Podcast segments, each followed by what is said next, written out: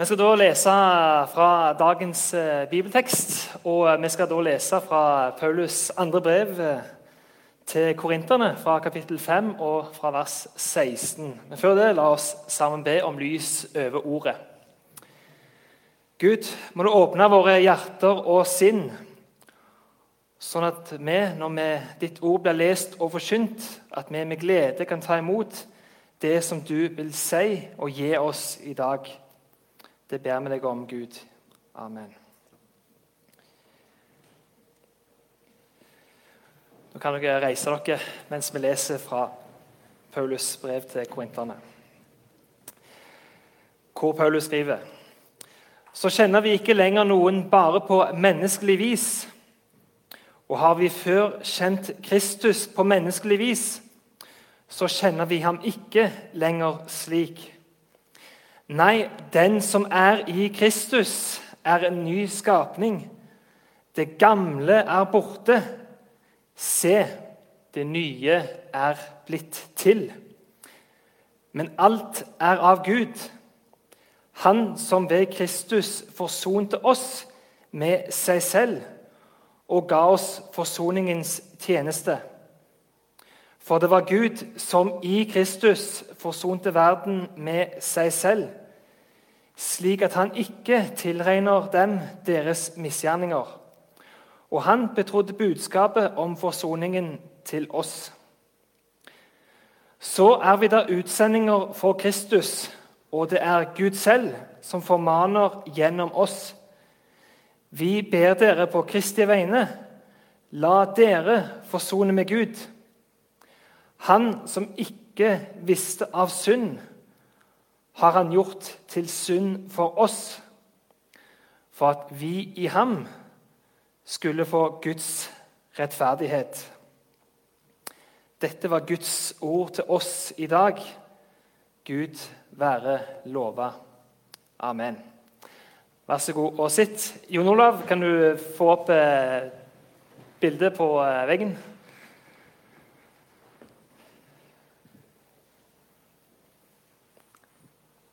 Der, ja. Det er ofte blitt sagt i denne perioden som vi på en måte har vært gjennom, men på samtidig i den perioden som vi fortsatt er i. Det blir godt når ting blir sånn som det var før. Og også gjerne har han stilt spørsmål til hverandre, og jeg har gjort det. Hva er det du gleder deg mest til når ting blir sånn som det var før? Før korona inntraff, før verden mer eller mindre ble stengt ned. Det blir godt når ting kommer tilbake igjen til sånn som det var før. Men så er jo spørsmålet Blir det sånn som det var før? Eller blir det ikke det? Og i så fall, hvis det ikke blir det, hva er det vi går til? Det er noe av det som jeg tenker jeg skulle snakke om i dag. Det her som vi har vært gjennom, som vi fortsatt er gjennom, som har gjort at vi måtte endre måten vi nå feirer gudstjeneste på, hvordan dere sitter, og hvordan vi må forholde oss til hverandre. Men òg i forhold til hvordan vi lever livene våre til vanlig. Det har jo vært pga. en ytre faktor. Risikoen for å bli smitta av et virus og risikoen for å sjøl smitte andre. En ytre faktor som har tvunget fram en endring i måten vi lever livene våre på. Og Det er gjerne to ulike måter det skjer på når det skjer en forvandling, en endring i forhold til måten vi må leve på. Den ene endringen kan være forandringer som en velger aktivt sjøl. F.eks. den dagen en får eh, fast fulle, som det heter. Eller eh, ja, fast fulle eller inngått ekteskap eller noe sånt. Så velger du aktivt en forandring sjøl, og gjerne må du da leve livet litt annerledes enn tidligere. Du kan ikke leve som en ung kar eller ung kvinne når en har inngått et ekteskap. Da må en leve livet på en annen måte. Og Noen av de som tar dette valget frivillig, endrer seg veldig mye. En kan gjerne snakke om en tidsperiode før en fikk fast fylle, og en tidsperiode etter en fikk fast fylle. Og Noen vet jeg jo mange ganger sier at eh, han, ikke, eller, han eller hun er jo ikke til å kjenne igjen. fordi at eh, måten en kler seg på, oppfører seg på, er blitt så annerledes. Og gjerne er en blitt mye flinkere eller ja, er mye mer opptatt av hvordan utseendet det ene og det andre måtte være enn tidligere. Så kan det være noen som heller tenker at ok, nå er jeg kommet i mål, nå har jeg fått fast fylle, så da forfaller hele kroppen og alt sammen. Så det kan være begge deler. Men det er noe aktivt velger sjøl. En aktiv eh, en velger En må forandre seg, for det er valg en har tatt sjøl. Så er det samtidig forandringer som en kan bli tvunget inn i. Sånn som dette med korona, hvor vi blir tvunget inn i en forandring. Men òg en forandring Men òg f.eks. fra du var ung, så har du kanskje hatt det sånn hjemme at du bare bodde der, du fikk mat, du fikk alt på bordet, og plutselig en dag så kommer foreldrene dine nå må du begynne å betale for deg for å bo her. Eller hvis du fortsatt skal få denne 50-lappen eller lørdagssnopet, da må du begynne å gjøre noe. Nå bør du begynne å rydde og gjøre noe husarbeid. Nå må du ta og forandre deg. En forandring som du blir tvunget inn i.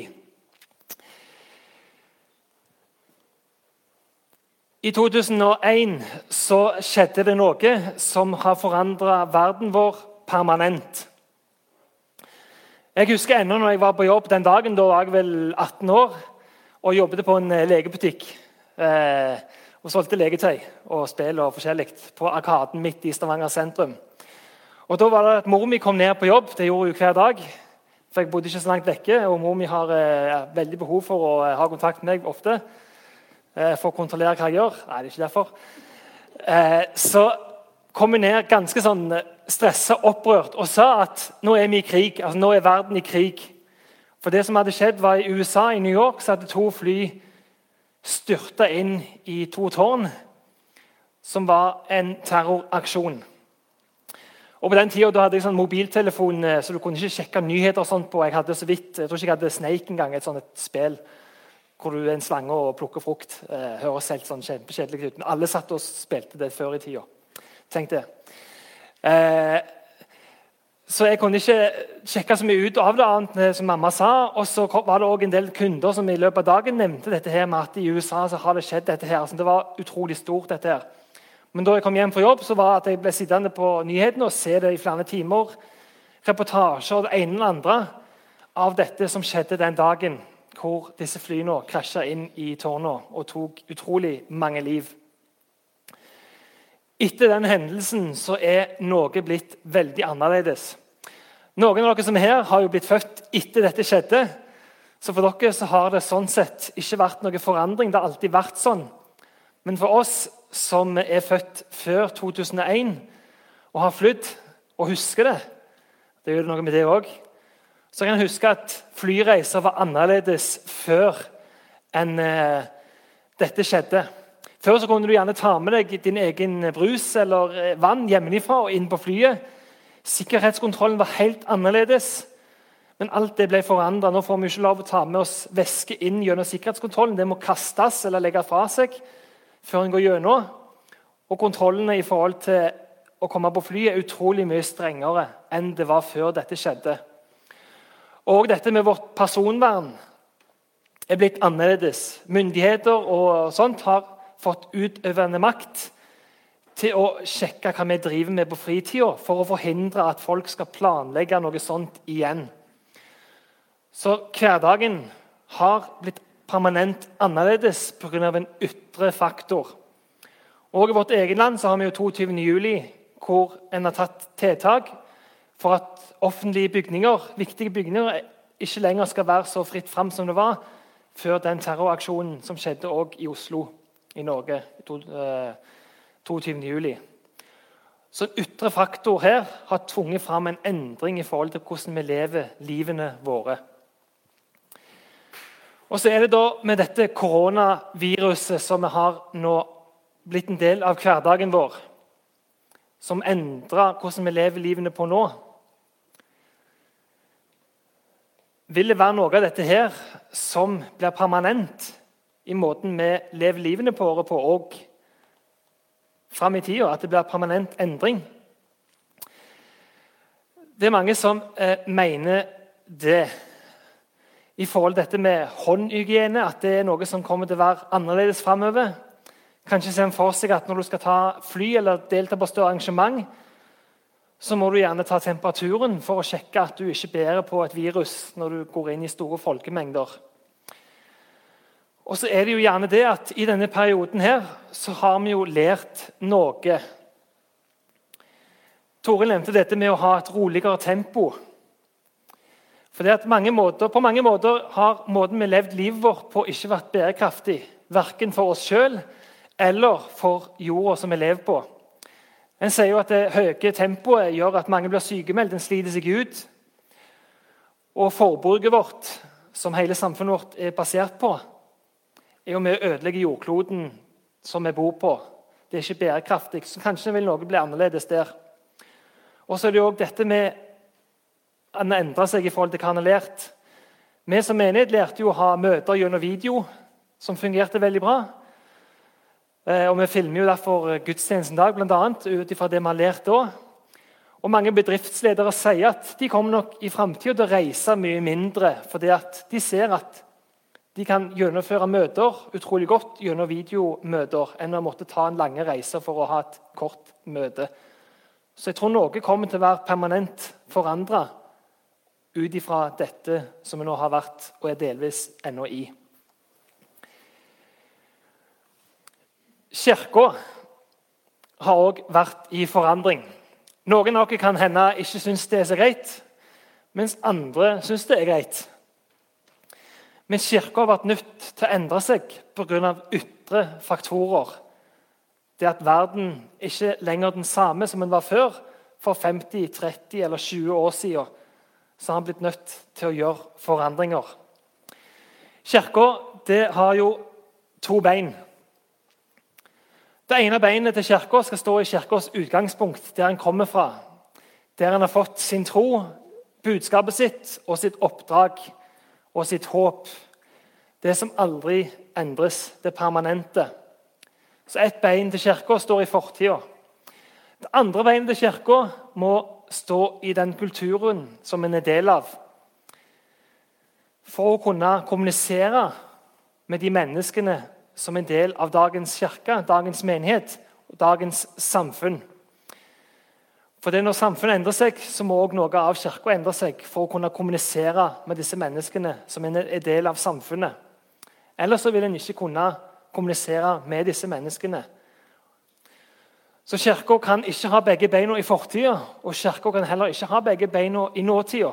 For har han begge beina i nåtida, så blir en ei kirke uten et fast budskap, uten et fast holdepunkt. Noe som bare svinger her og der til enhver tid.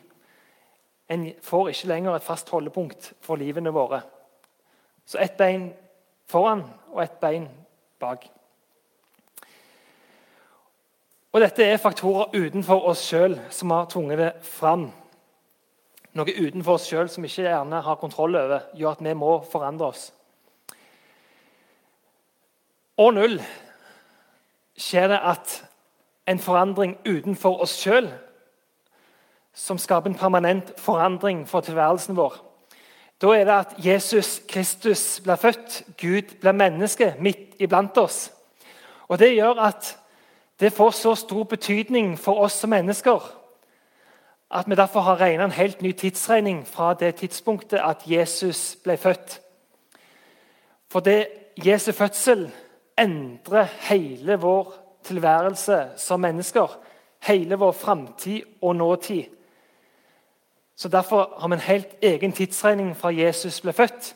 Jesus som en ytre faktor kommer inn til verden, endrer permanent tilværelsen til alle oss mennesker. Jeg skal snakke litt i forhold til hvordan Jesus gjør det.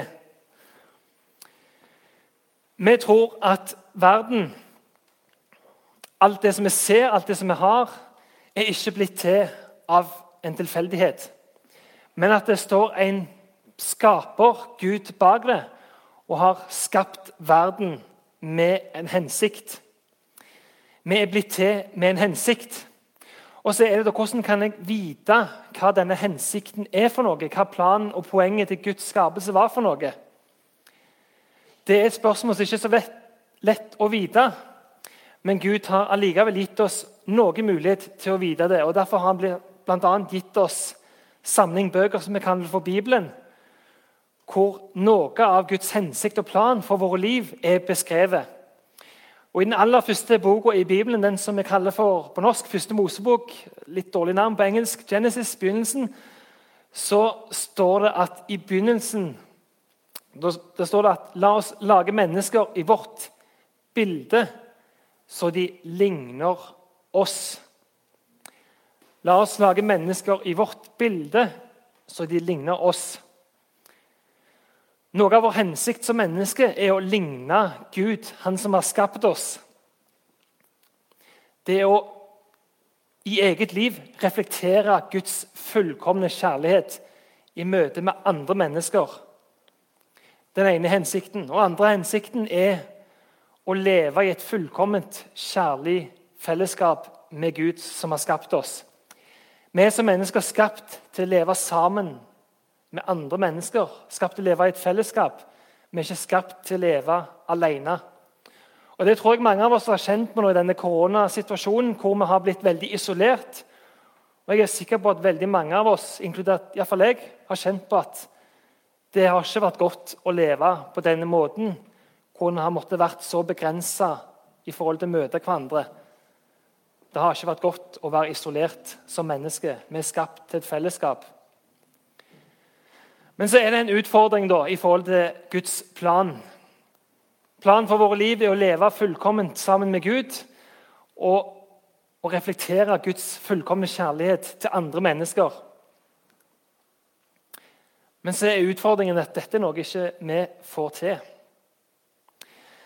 Paulus, som har lest eh, fra, fra andre Korinterbrev, han har også skrevet et annet brev eh, hvor han beskriver noe av dette. her. Og Paulus han var en av de første eh, lederne i den tidligste kirka som skrev brev til menigheter sånn som her, for å fortelle og forklare hva det betyr at Jesus nå er en del av den hverdagen som er en del av.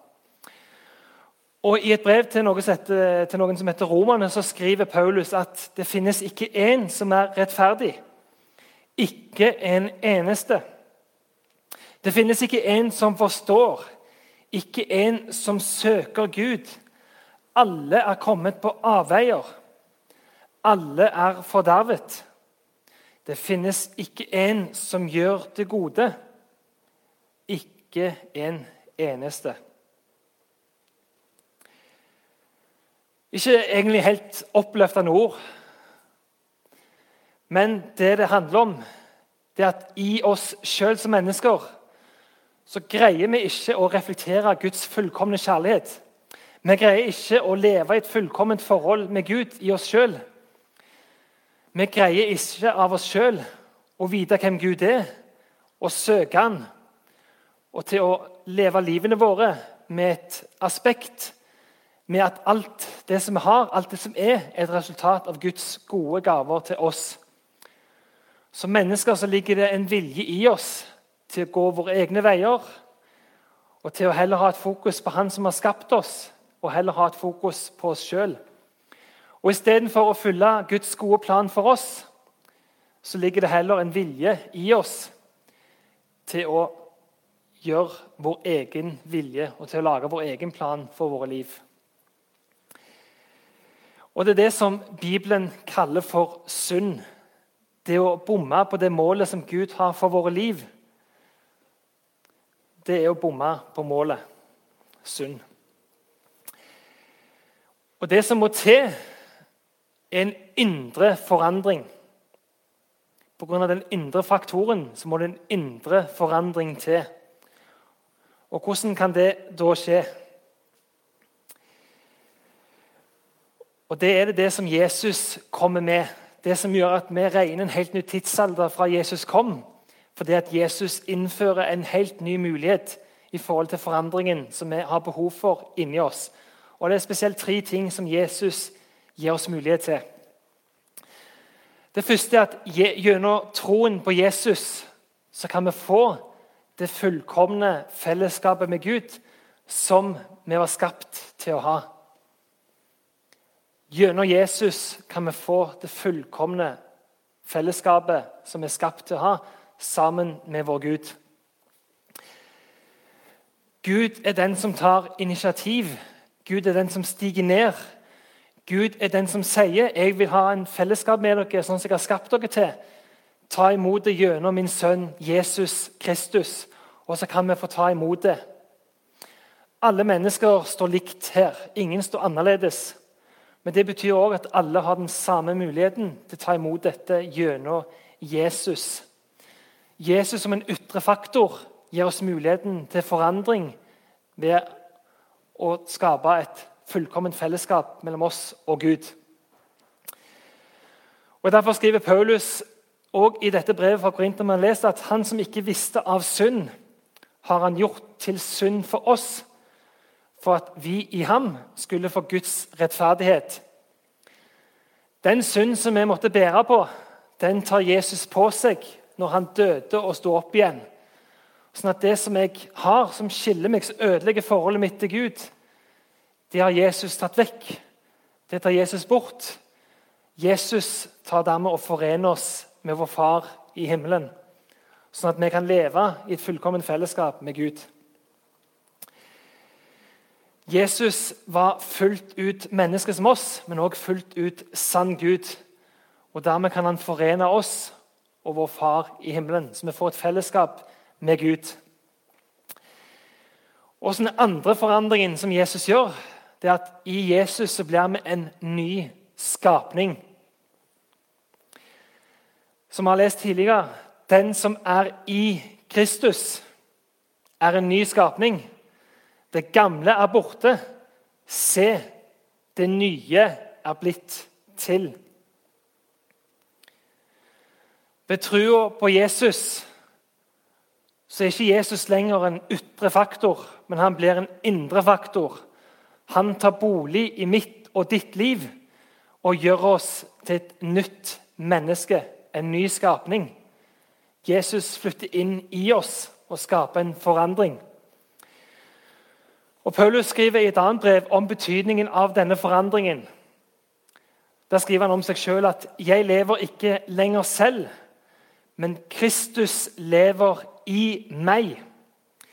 Det, liv, det livet jeg nå lever som menneske av kjøtt og blod, det lever jeg i troen på Guds sønn, som elsket meg og ga seg selv for meg. Vi, en, vi blir en ny skapning. Vi får et helt nytt liv. Samtidig så er det noe som er likt. Vi er fortsatt et menneske av kjøtt og blod. Og Det betyr at jeg kommer fortsatt til å gjøre feil. Jeg kommer fortsatt til å gjøre dårlige prioriteringer. Jeg kommer fortsatt mange ganger til å ikke velge Guds vei for mitt liv. Jeg kommer fortsatt til å tenke dårlig om meg sjøl. Jeg kommer fortsatt til å gjøre dårlige valg i forhold til andre mennesker. Jeg kommer fortsatt til å gjøre en del ting som jeg opprinnelig ikke var skapt til. Jeg kommer fortsatt ikke til alltid kunne leve i og vise Guds fullkomne kjærlighet. Men det er samtidig en permanent forandring. Når jeg gjør feil, så blir jeg ikke gående med denne feilen jeg har gjort, alene. Det som jeg har gjort som er galt, kan jeg gi over til Jesus. Jesus gir meg mulighet for tilgivelse. Og Noe av det mest sentrale med tilgivelse det er muligheten til å starte på nytt. Muligheten til å legge noe som har skjedd, bak deg. Tilgivelse er en kraft til å starte på nytt. Ting som har skjedd i livet ditt, har skjedd. Og det er ikke sikkert du kommer til å glemme det. Men kraften til å gå videre, kraften til å starte på ny, både i forhold til Gud, i forhold til dine medmennesker og i forhold til deg sjøl, er det Guds tilgivelse gir deg muligheten for. En kraft til å starte på nytt. Så noe er totalt annerledes med Jesus i deg. Du er en ny skapning. Samtidig er det noe som henger igjen fra før av. Men fokuset er at du er en ny skapning i Kristus. Og Derfor skriver Jesaja at tenk ikke på det som hendte før. Akt ikke på det som en gang var. Nå skaper jeg noe nytt. Det spirer allerede fram. Du blir en ny skapning. Du blir ikke et bedre menneske enn andre mennesker. Vi som kristne er ikke bedre enn andre mennesker. Men vi lever under andre vilkår. For vi er en ny skapning i Jesus Kristus. Og vi har en helt annen mulighet. Og vi har en, en person, Jesus, som vi kan gå til når ting skjer seg i livet. Vi har et helt annet fundament å leve på. Og Det tredje er at Jesus gir oss gjennom sin oppstandelse et evig håp når vi tar imot Jesus. Sånn som Jesus sto opp fra graven og ble annerledes, sånn skal vi òg en dag få muligheten til å gjøre. Og Det gjør at selv om vårt liv nå er skjørt vi er utsatt for sykdom. Vi er utsatt for vonde hendelser, for sorg. Vi er utsatt for død. Så er det allikevel noe totalt annerledes med at ingenting av det er det siste. Det siste er det håpet som Jesus har gitt oss, muligheten for et nytt liv. For en oppstandelse, et evig håp. Og det er iallfall meg en mulighet til å se livet på en annen måte. Og til å tenke gjennom alt det en møter, om det er korona eller andre ting, så er det ingenting av dette her som er det siste og det avgjørende. Jesus har gitt oss et evig håp, et evig liv, som vil være det avgjørende for det siste som skjer. Så Jesus forandrer totalt tilværelsen rundt oss, i oss og foran for oss. så blir ting som det var før. Nei, det gjør ikke det.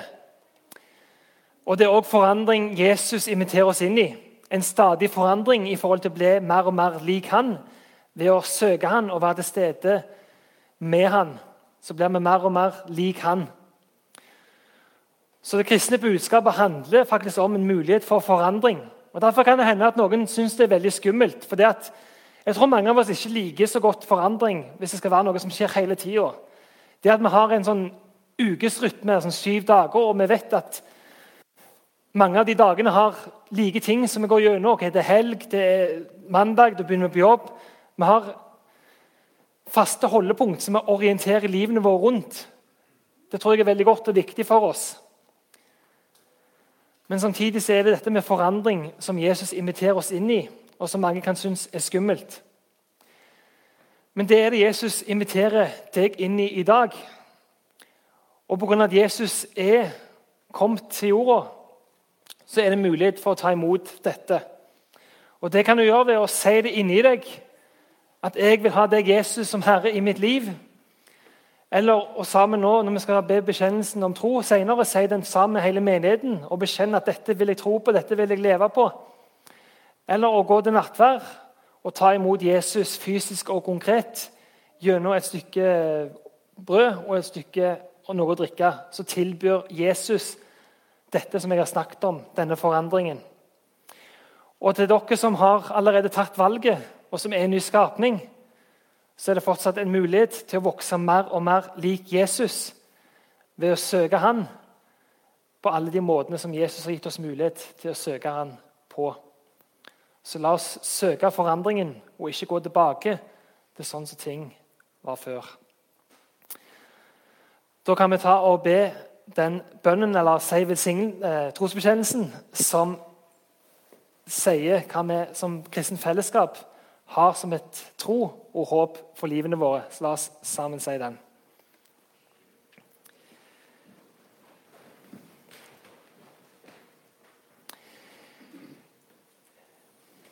Jeg tror på Gud Fader, den allmektige, himmelens og jordens skaper.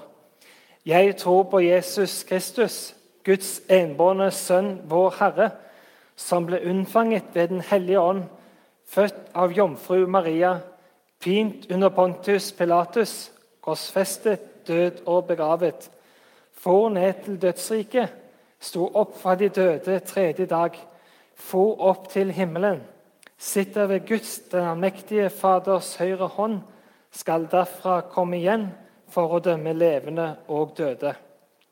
Jeg tror på Den hellige ånd, en hellig allmenn kirke, de hellige samfunn, syndenes forlatelse, legemets oppstandelse og det evige liv.